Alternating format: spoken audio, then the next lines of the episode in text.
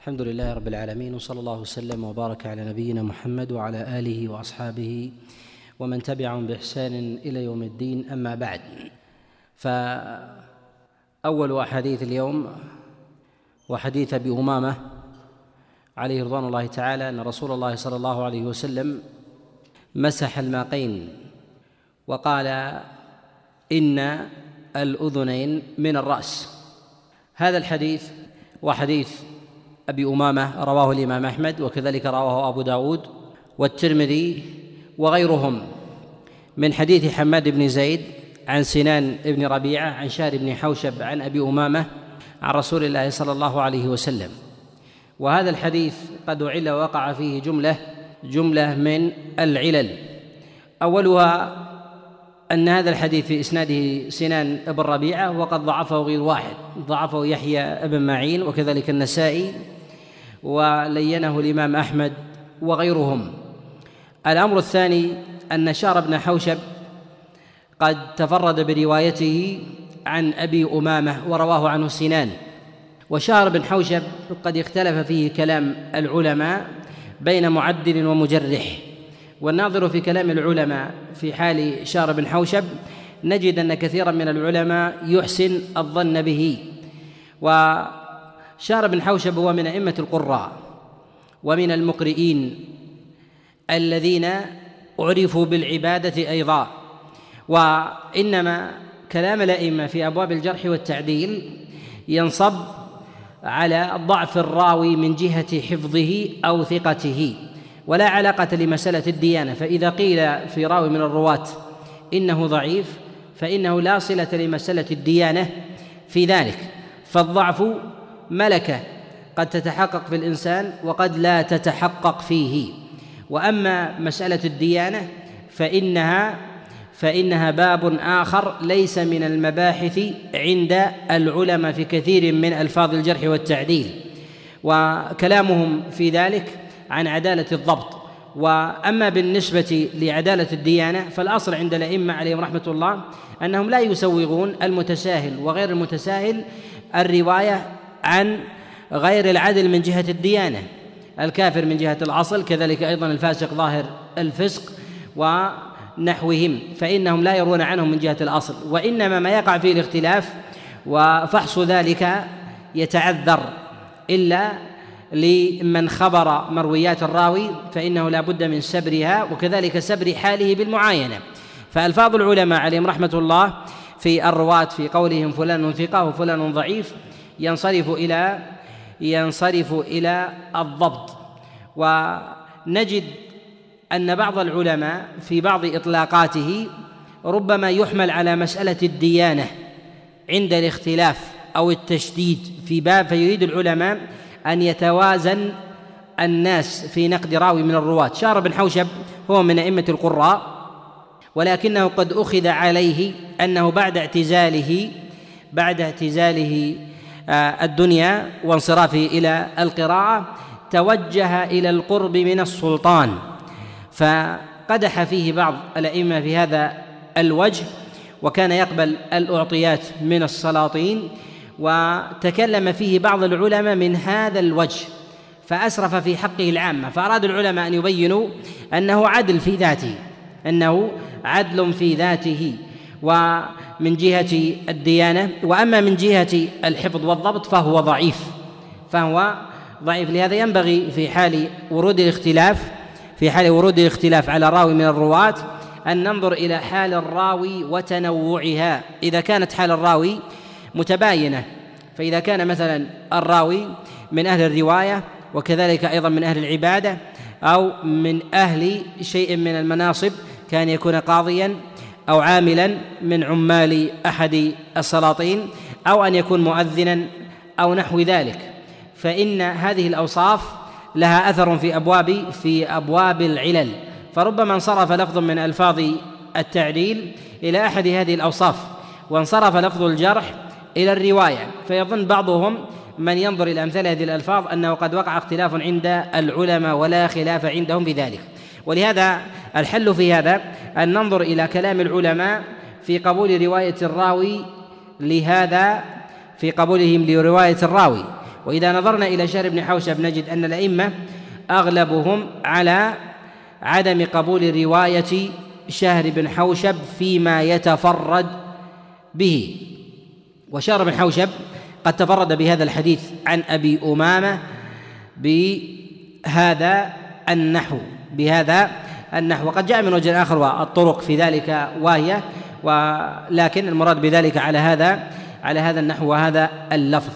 وثمة علة أخرى في هذا الحديث أنه قد اختلف في رفعه اختلف في رفعه ووقفه. فهذا الحديث كما تقدم يرويه حماد بن زيد عن سنان ابن ربيعة عن شاد بن حوشب عن أبي أمامة. وقع فيه اختلاف. هل قول الأذنان من الرأس. من قول رسول الله صلى الله عليه وسلم أم هي من قول أبي أمامة؟ الصواب أنها من قول أبي أمامة. وإن كان أكثر الرواة يروونها يروونها مرفوعة عن حماد بن زيد. وقد رواها مسدد وكذلك عفان ويحيى بن حسان وكذلك سليمان بن داود الزهراني وغيرهم كلهم يرونه عن كلهم يروونه عن حماد بن زيد عن سنان بن ربيعة عن شهر عن أبي أمامة مرفوعا. وهناك من رواه بالشك. وذلك كقتيبة فإنه قد رواه عن حماد بالشك. قال قال حماد لا أدري. قال لا أدري. قوله الأذنان من الرأس هي من قول أبي أمامة. أو من قول رسول الله صلى الله عليه وسلم. ورواه غيره أيضا بالشك. وهناك من جزم انها أنها من قول أبي أمامة وسليمان بن حرب والثقة. الحافظ رواه عن حماد بن زيد عن حماد بن زيد عن سنان بن ربيعة به. بل جزم بذلك وقال من قال إن رسول الله صلى الله عليه وسلم قال إن الأذنين من الرأس فقد أخطأ. يعني أنه يقطع بذلك أنه من قول من قول أبي أمامة. وبهذا نعلم أن سليمان بن حرب قد جزم بذلك. والرواة الذين ينقلونه عنه وهم الأكثر يجعلونه مرفوعا على الإجمال. وهنا مسلك من مسالك التعليل ينبغي أن يؤخذ بالاعتبار وهو أن الرواة في الكثرة في أبواب المخالفة هل تؤخذ على الكثرة؟ فيؤخذ بكلام الجماعة كما تقدم كمسدد وعفان ويحيى بن حسان وكذلك الهيثم آه، ابن جميل وغيرهم. هل يؤخذ بقول الجماعة في مقابل سليمان بن حرب؟ نقول الأصل أن القول قول الجماعة. الأصل أن القول قول الجماعة. ولكن هنا العلة ليست من الجماعة ولا من سليمان بن حرب. العلة في من؟ في من فوق هؤلاء. ومن فوق هؤلاء هم الرواة الذين يروي عنهم حماد بن زيد. هؤلاء كلهم يختلفون على حماد بن زيد. والاضطراب في هذا الإسناد يحتمل أن يكون من سنان بن ربيعة ويحتمل أن يكون من شهر بن حوشب من شهر بن حوشب. ولو كان الرواة ثقات إلى حماد بن زيد وقع الاختلاف لرجحنا رواية الجماعة. لرجحنا رواية الجماعة. وكذلك أيضا من القرائن التي نرجح بها الموقوف ولا نرجح بها المرفوع. أن هذا الحكم حكم الأذنين من الرأس يقتضي وجوب مسح الأذنين يقتضي وجوب مسح الأذنين ولا أعلم قائلا من أصحاب رسول الله صلى الله عليه وسلم بوجوب مسح الأذنين مع الوضوء وإنما هو سنة وإنما وإنما هو سنة. وكذلك أيضا لا أعلم من قال بوجوب مسح الأذنين في الوضوء أيضا من التابعين سوى ما يروى في ذلك عن الزهري عليه رحمة الله. والصواب في ذلك أن مسح الأذنين من السنة أن مسح الأذنين من سنن الوضوء لا من واجباتها. وصفة ذلك في آه، الصفة في ذلك الواردة هل هي بإدخال الأصبعين أم بمسح الباطن والظاهر آه، مجردا؟ هذا مما هو مما من مواضع الخلاف وتقدم الإشارة إلى شيء من ذلك في المجلس في المجلس السابق. وهذا من القرائن يدل على أن الحديث إذا كان مرفوعا إلى رسول الله صلى الله عليه وسلم وصح إسناده فإن مقتضى ذلك العمل العمل به على سبيل الوجوب. فلما لم يفتوا بالوجوب دل على أن الحديث من جهة الرفع لم يثبت من جهة الرفع لم يثبت. لهذا يذهب عامة العلماء إلى أن الأذنين مسحهما سنة إلى أن الأذنين مسحوهما سنة ولما كان كذلك دل على أن الحديث المرفوع في ذلك معلول وإنما هو موقوف. ومع وقفه هل يصح أم لا؟ نقول مع كون الراجح في ذلك الوقف إلا أنه لا يصح أيضا موقوفا لأنه من مفاريد كما تقدم الإشارة إليه من مفاريد سنان بن ربيعة ويرويه عن شار بن حوشب. وقد تفرد بهذا الحديث عن أبي أمامة عن رسول الله صلى الله عليه وسلم وهو ضعيف على الوجهين. وجه الرفع ووجه الوقف. إلا أن المرفوع منكر. إلا أن المرفوع منكر. والموقوف محفوظ ضعيف. والموقوف محفوظ ضعيف. الحديث الثاني في هذا وحديث عبد الله بن زيد. بمعنى أو بلفظ حديث أبي أمامة أن رسول الله صلى الله عليه وسلم توضأ أتي بثلثي مد فتوضأ. فجعل يدلك وقال الأذنان من الرأس. وقال الأذنان الأذنان من الرأس. هذا الحديث رواه الدار قطني وغيره من حديث سويد بن سعيد عن يحيى بن زكريا ابن أبي زائدة عن شعبة عن حبيب بن زيد عن عباد بن تميم عن عبد الله بن زيد. عن رسول الله صلى الله عليه وسلم. وهذا الحديث قد وقع فيه فيه اختلاف. قد وقع فيه اختلاف وسعيد بن زيد قد تفرد به من هذا الوجه. سعيد وسويد بن سعيد قد تفرد بهذا الحديث عن ابن أبي زائدة وسويد قد أخرج له مسلم في كتابه في كتابه الصحيح. وهنا مسألة من مسائل العلل. وهي أن سويد بن سعيد قد تفرد بهذا الحديث ولبقية الرواة ثقات. وسويد بن سعيد مع كونه من الرواة وإخراج الإمام مسلم له هل يعني أن هذا الحديث صحيح أم لا؟ نقول إن حديث سويد ابن سعيد في هذا منكر. إن حديث سويد في هذا منكر وذلك من وجوه. أولها أن سويد بن سعيد متأخر أن سويد بن سعيد متأخر وقد أدركه جماعة من الأئمة الكبار من المتأخرين كالإمام أحمد عليه رحمة الله تعالى وغيره وتفردوا بهذا الحديث عن عبد الله بن زيد مع كثرة الفقهاء الذين يروون صفة الوضوء في حديث عبد الله بن زيد وغيره لم يروى لم تروى هذه اللفظة اللفظة فيه لم تروى هذه اللفظة فيه. كذلك أيضا من احتج بهذا الحديث بأنه قد رواه سويد بن سعيد وسويد بن سعيد قد أخرج له الإمام مسلم. هل نقول ب صحة هذا الحديث؟ أولا سويد بن سعيد لا يقبل ما يتفرد به لا يقبل ما يتفرد به. وما يخرجه أو ما أخرجه له الإمام مسلم فليس ليس في الأصول وليس مما يتفرد يتفرد به. ومن الإطلاقات التي يطلقها من يتكلم على أبواب العلل والذين يقولون إن هذا الحديث إن هذا الحديث و آه، وغيره الذين يخرج الإمام مسلم أو البخاري أحاديث لرواة أو يخرج أهل السنن أو المسانيد للرواة قد أخرج البخاري ومسلم لهم أحاديث. هل يعني هذا قبول مرويات أم لا؟ الأمر الذي يغفل عنه كثير من الباحثين والنقدة من المحدثين في هذا أنهم ينظرون إلى إخراج البخاري ومسلم لراوي من الرواة في الصحيح في الصحيحين ويغفلون عن عما لم يخرجه البخاري ومسلم لهذا الراوي. إذا قلنا أن الراوي من المكثرين إذا قلنا أن الراوي من المكثرين وأخرج له البخاري ومسلم حديثا واحدا. أخرج له البخاري ومسلم حديثا واحدا. هل هذا تعديل أم جرح؟ هل هو تعديل أم جرح؟ الأصل في هذا أنه جرح للراوي أنه جرح للراوي لماذا؟ لأن الراوي إذا كان من المكثرين بالرواية ومما يتفرد بالأحاديث ومما يتفرد بالأحاديث عن رسول الله صلى الله عليه وسلم وله أحاديث كثيرة في الأصول. ولم يروي عنه إلا حديثا واحدا.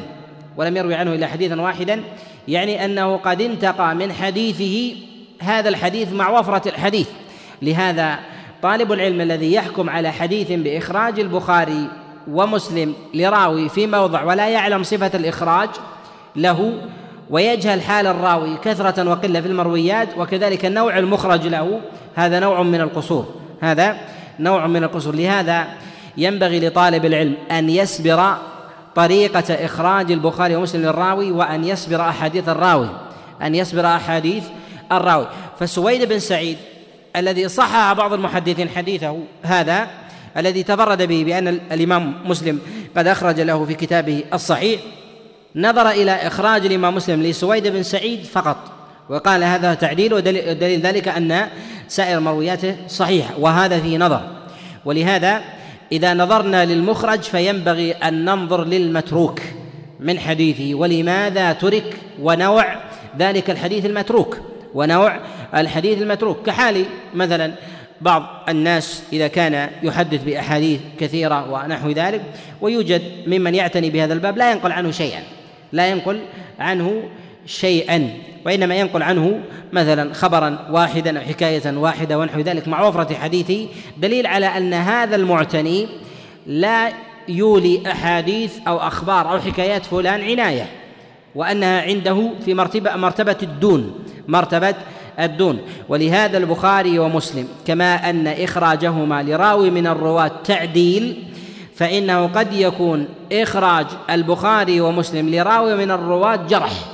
لراوي من الرواة جرح. فإذا أردنا أن نتكلم على الجرح والتعديل نريد بذلك هو إلحاق الحكم على الراوي من الرواة في غالب مروياته. ما هي الضوابط في ذلك؟ ما هي الضوابط في ذلك؟ الضوابط في ذلك عديدة. أولها أن ينظر إلى المتن الذي قد أخرج فيه البخاري ومسلم لهذا الراوي. هل هو من الأصول المتينة أم لا؟ فإذا كان من الأصول المتينة فإن, فإن هذا تعديل. فإن هذا نوع تعديل. وإذا كان ليس من الأصول وإنما من جملة ما يؤخذ من الضعفاء من الفضائل والسير ونحو ذلك فهذا لا يؤخذ على أنه تعديل على الإطلاق وإنما إذا اقترن بالأمر الثاني الذي سيأتي ذكره دل على أنه على أنه جرح. الأمر الثاني أن إذا وجدنا الراوي إذا وجدنا البخاري ومسلم قد أخرج لهذا الراوي مثلا في الفضائل في موضع واحد ولم يخرج له فيما عدا وله أحاديث كثيرة في الأحكام وله أحاديث كثيرة في الأحكام. فإن المتروك من حديثه في الأحكام وعدم إخراجه إخراج البخاري ومسلم له دليل على دليل على اطراحه فيما عدا هذا الباب. دليل على اطراحه فيما عدا هذا الباب. فيؤخذ جرحه في أبواب الأحكام من طريقة الصحيحين ويؤخذ قبول روايته في مسائل في مسائل الفضائل. الأمر الثالث أن ينظر إلى كثرة حديثه. إلى كثره إلى كثرة حديثه.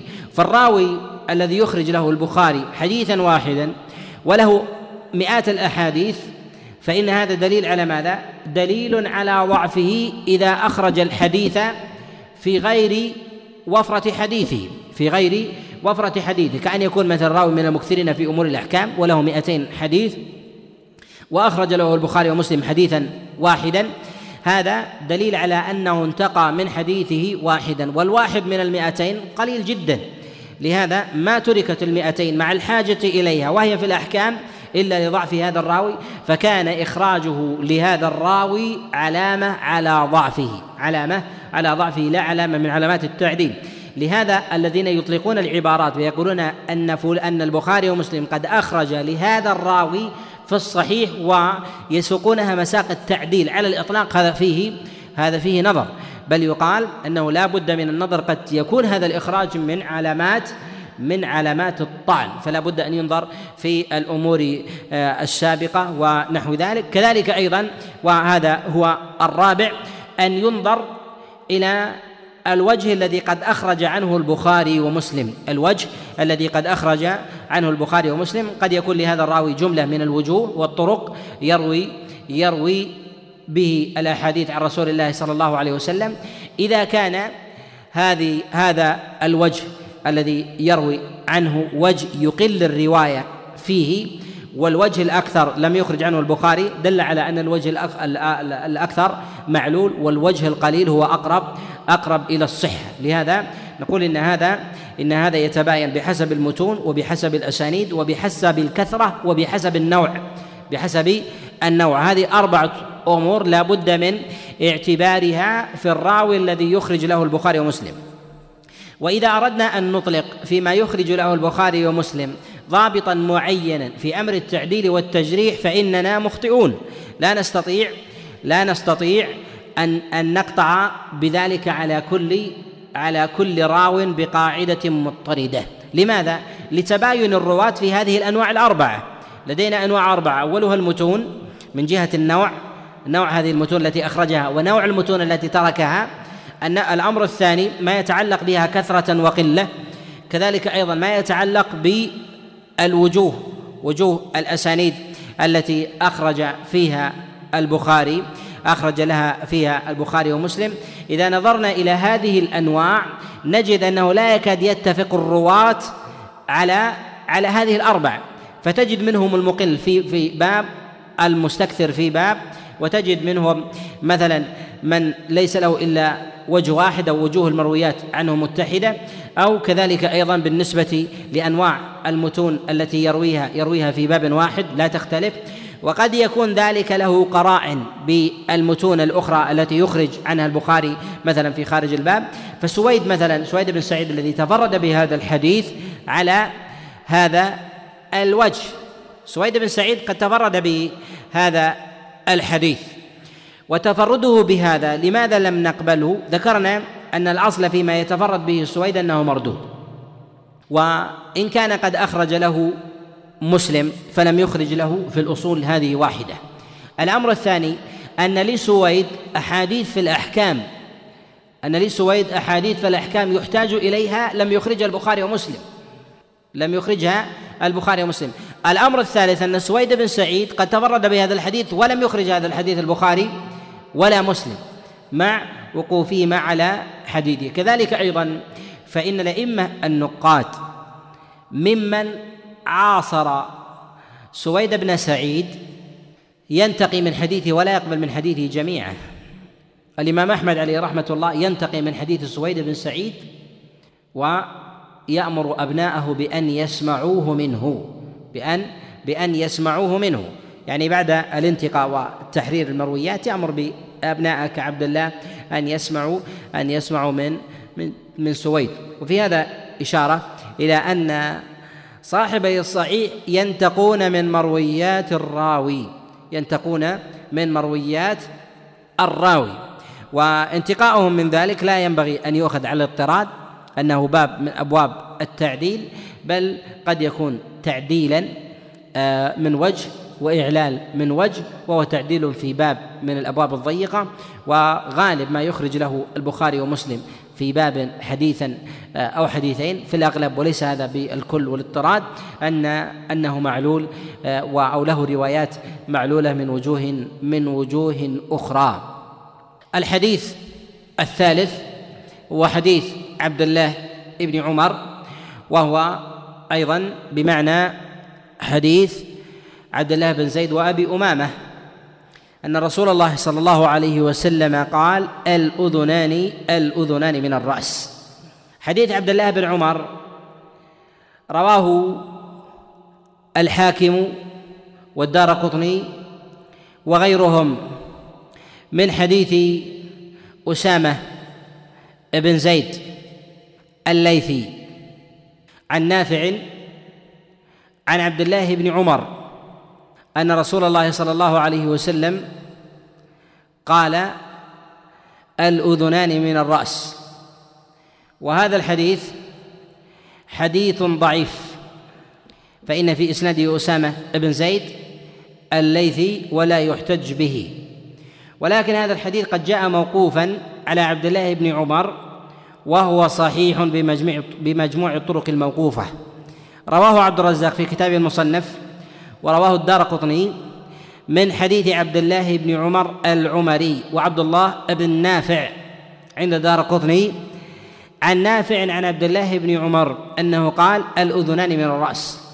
وجاء عند ابن أبي شيبة متابعا له من حديث محمد بن إسحاق عن نافع عن عبد الله بن عمر من قوله الأذنان من الرأس. وهذه طرق يعضد بعضها بعضا. فالعمري وعبد الله بن نافع ضعفاء. ومحمد بن إسحاق يقبل حديثه في الموقوفات. يقبل حديثه في الموقوفات وإلا وإن لم يصرح بالسماع وإن لم يصرح بالسماع ما استقام ما استقام المعنى. وكذلك أيضا فإنه يتساهل بالموقوفات ما لا يتساهل يتساهل بغيرها. يتساهل بالموقوفات ما لا يتساهل بغيرها. وعلى هذا نقول إن هذا الحديث هو حديث صحيح موقوفا وأما مرفوعا فلا يصح. الحديث الرابع في هذا هو حديث عائشة بلفظ الأحاديث السابقة الأذنان من الرأس. وحديث عائشة رواه الطبراني والدار قطني من حديث محمد بن الأزهر عن الفضل. ومحمد بن الأزهر ضعيف. تفرد بروايته عن الزهري عن عروة عن عائشة. أن رسول الله صلى الله عليه وسلم قال الأذنان من الرأس. ومحمد بن الأزهر متروك الحديث. لا يحتج لا يحتج بحديثه. الحديث الخامس حديث أبي موسى وهو بلفظ الأحاديث السابقة وجاء من حديث الحسن البصري. عن أبي موسى عبد الله بن قيس عن رسول الله صلى الله عليه وسلم أنه قال الأذنان من الرأس. والحسن البصري لم يسمع من أبي موسى شيئا. والحسن البصري يدلس عن الصحابة ممن لم يسمع منه. ويوصف الحسن بالتدليس ونسبته للتدليس إلى نوع من أنواع التدليس وهو بالمروي عن الصحابة. بالمروي عن الصحابة ممن لم يسمع منهم شيئا. وتقدم الإشارة معنا إلى شيء من ذلك لأنه ينبغي لطالب العلم في مسائل التدليس أن لا يطلق الرد لكل مدلس وإنما ينظر إلى نوع التدليس الذي يوصف به. أن ينظر إلى نوع التدليس الذي يوصف يوصف به. فبعض الرواة تدليسه خاص براوي الحسن البصري تدريسه خاص بمن لم يسمع من الصحابة. وما لم يسمع وما سمع منهم فلا يدلس عنهم. فلا يدلس فلا يدلس عنهم. وذلك أنه يتجوز أن من عاصره يعلم أنه لم يسمع منهم شيئا فينسب المرويات إليهم. وإذا وجدنا رواية لم يصرح فيها بالسماع عن التابعين فلا نردها بالتدليس لأنه سمع منهم وعاينهم. ورد مروياته بهذا التعليل التدليس فيه فيه نظر. الحديث السادس حديث عبد الله بن عباس وهو كذلك أيضا بلفظ الأذنان من الرأس. وهو بلفظ الأذنان من الرأس. حديث عبد الله بن عباس يرويه البزار ودار قطني من حديث ابن جريج عن عطاء عن عبد الله بن عباس عن رسول الله صلى الله عليه وسلم أنه قال الأذنان من الرأس. وهذا الحديث قد اختلف في وصله وإرساله. والصواب فيه الإرسال. الصواب فيه الإرسال. وذلك أن الأصح فيه رواية ابن رواية ابن جريج عن سليمان بن موسى مرسلا صوابه الدار قطني وغيره. وأما رواية الوصل فإنه قد تفرد بها أبو كامل والربيع والربيع ابن بدر عن ابن جريج يروونه عن غندر محمد بن جعفر عن ابن جريج به موصولا وهو خطأ. فالربيع بن بدر متروك الحديث. وأبو كامل ممن لم يحتج بتفرده عن ابن جريج فحديث ابن جريج له في البصرة. وأحاديث ابن جريج ما يحدث به في البصرة في وهم وغلط وما يحدث به في مكة فأحاديثه منضبطة وهي أتقن وهي أتقن المرويات وهي أتقن المرويات. الحديث السابع حديث عبد الله الصنابحي أنه قال قال رسول الله صلى الله عليه وسلم إذا توضأ أحدكم فغسل كفيه خرجت ذنوبه من كفيه مع آخر قطر الماء حتى ذكر جميع أعضاء الوضوء وذكر منها وخرجت ذنوبه من أذنيه من أذنيه. وجاء في رواية حتى تخرج ذنوبه من أذنيه. هذا الحديث رواه الإمام مالك في كتابه الموطأ. وعنه الإمام أحمد والنسائي في السنن عن الإمام مالك عن زيد بن أسلم عن عطاء بن يسار عن الصنابحي عن رسول الله صلى الله عليه وسلم. وهذا الحديث حديث صحيح وذكر الأذنين فيه غير محفوظ. وذكر الأذنين في غير محظور وهي أن الذنوب تخرج من آخر قطر الماء من الأذنين. وذلك لأسباب. أولها أن الصنابحي تابعي متقدم لم يدرك رسول الله صلى الله عليه وسلم. لم يدرك رسول الله صلى الله عليه وسلم. وسماه الإمام مالك عبد الله الصنابحي والصواب أنه أبو عبد الله الصنابحي. وقد وهم غير واحد من حفاظ الإمام مالك كالبخاري أنه جعل اسمه عبد الله وهو معروف ب وهو معروف بالكنية وهو معروف بكنيته. والأمر الآخر أن هذا الحديث أخرجه الإمام مسلم في كتابه الصحيح من حديث سهيل بن أبي صالح عن أبيه عن أبي هريرة. وذكر فيه خروج الذنوب من آخر قطر الماء ولم يذكر الأذنين ولم يذكر الأذنين. وكذلك هذا الحديث قد أخرجه الإمام مالك في كتابه الموطأ عن سهيل بن أبي صالح عن أبيه عن أبي هريرة وليس فيه ذكر الأذنين وليس فيه ذكر الأذنين. كذلك أيضا فإن هذا الحديث قد أخرجه الإمام مسلم أيضا من حديث عمرو بن عبسة. عن رسول الله صلى الله عليه وسلم بنحو حديث أبي هريرة. بنحو حديث أبي هريرة. ولم يذكر فيه الأذنين. ولم يذكر فيه الأذنين. وهذا الحديث إنما قلنا بنكارة الأذنين أن أنه ذكر في الحديث أن الذنوب تخرج من أذنيه حتى تخرج ذنوب من أذنيه وفي بعض ألفاظ الأحاديث من آخر قطر الماء. يؤخذ من ذلك أن الأذنين تغسل لوجود قطر ماء فيها لوجود قطر ماء فيها. وهذا حجة لمن قال بأن الأذنين تأخذ حكم الرأس بأن الأذنين تأخذ حكم الوجه. لا تأخذ حكم الرأس. وإذا أخذت حكم الرأس فإنها فإنها تمسح مسحا. ومعلوم خلاف الفقهاء في ذلك. خلاف الفقهاء في ذلك على عدة عدة أقوال. وقد جعل بعض العلماء حديث الصنابحي أقوى من حديث الأذنين من الرأس. أقوى من حديث الأذنين من الرأس في مسألة الاحتجاج.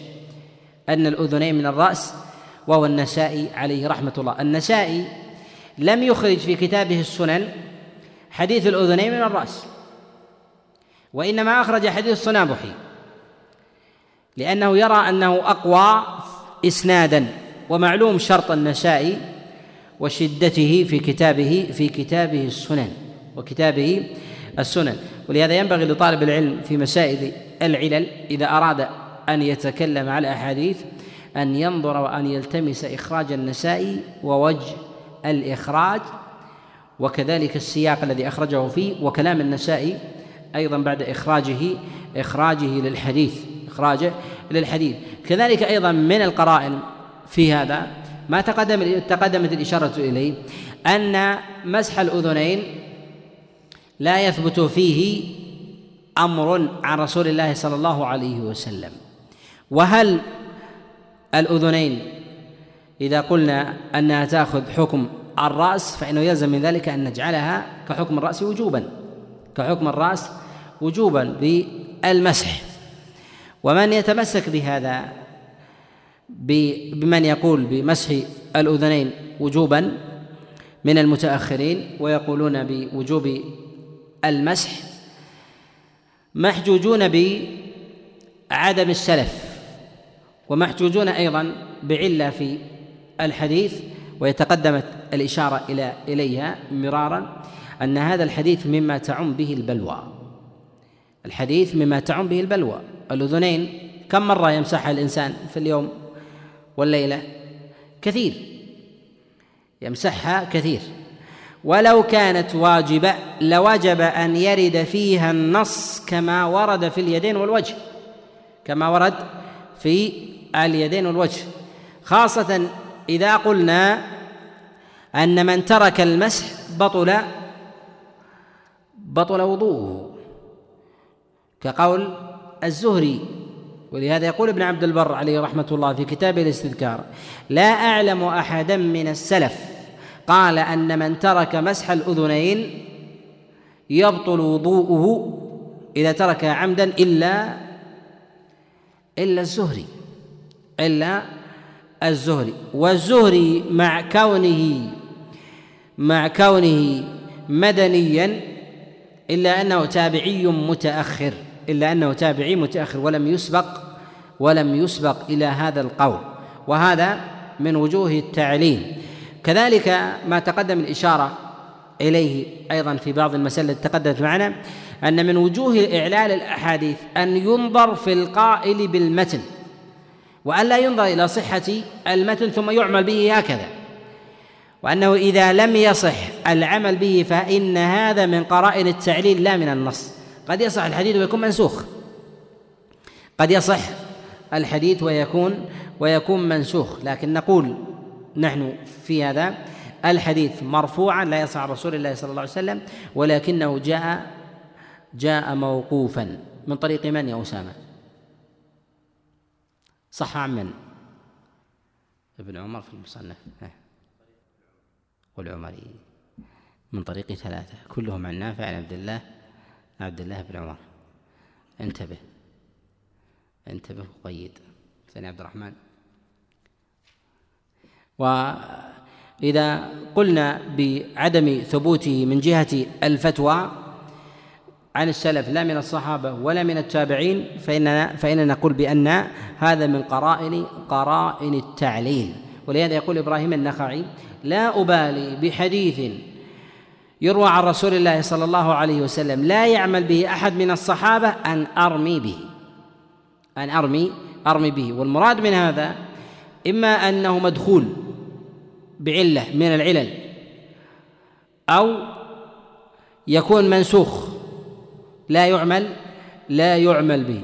وكثير من الأقوال الحادثة عند المتأخرين نظروا إلى المتون وأهملوا أقوال القرون المفضلة. أهملوا أقوال القرون المفضلة فنظروا إلى المتن فاستنبطوا منها أحكاما. لهذا يوجد أحاديث صحيحة لم يعمل بها لم يعمل بها السلف. ويوجد أحاديث ضعيفة عمل بها السلف واتفقوا عليه. وهذه من الأمور التي ينبغي أن تضبط حتى لا يضطرب الإنسان لا يضطرب الإنسان فيها. وثمة تلازم في أمور العلل بين أمر الرواية وأمر الدراية. بين أمر الرواية وبين أمر الدراية.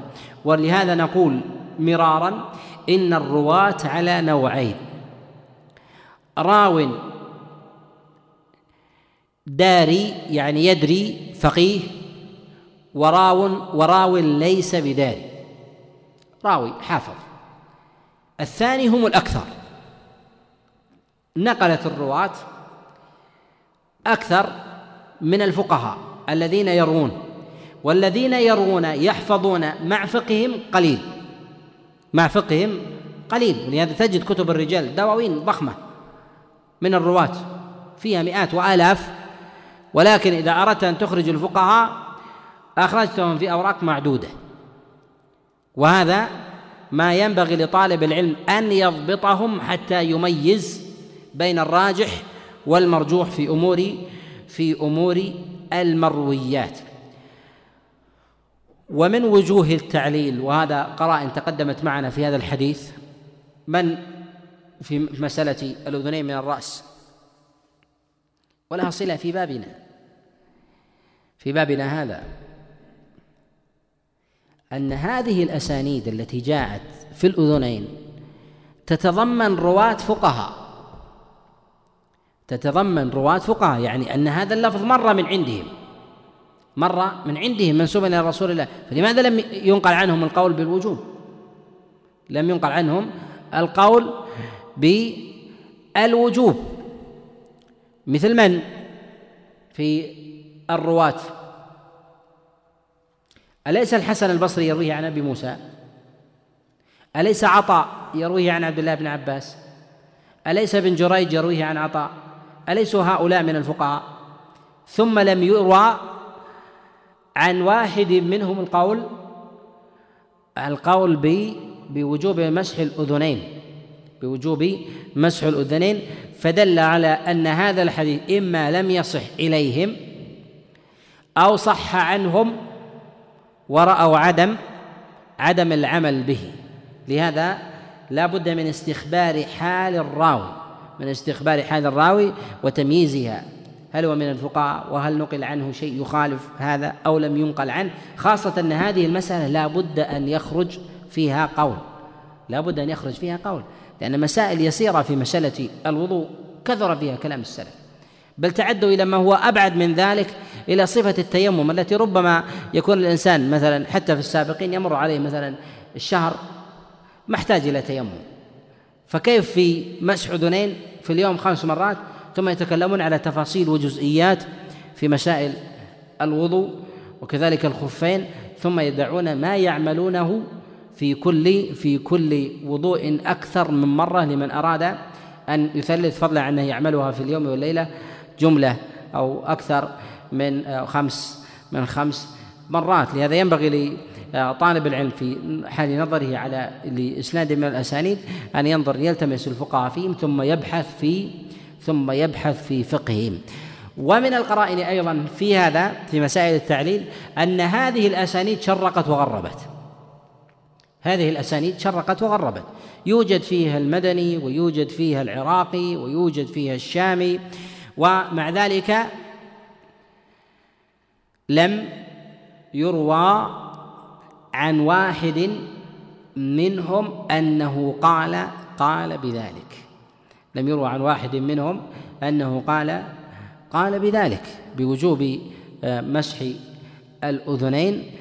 ومع تعدد وتنوع الاسانيد وإذا دخل الحديث بلدان متعددة ولم يعمل به أحد دل على ماذا؟ دل على ضعفه.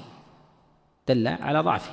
فإذا كثرت عندك الطرق لحديث من الأحاديث ثم لم تجد به عملا تستشف أنه كلما كثرت الطرق قويت قرائن النكارة.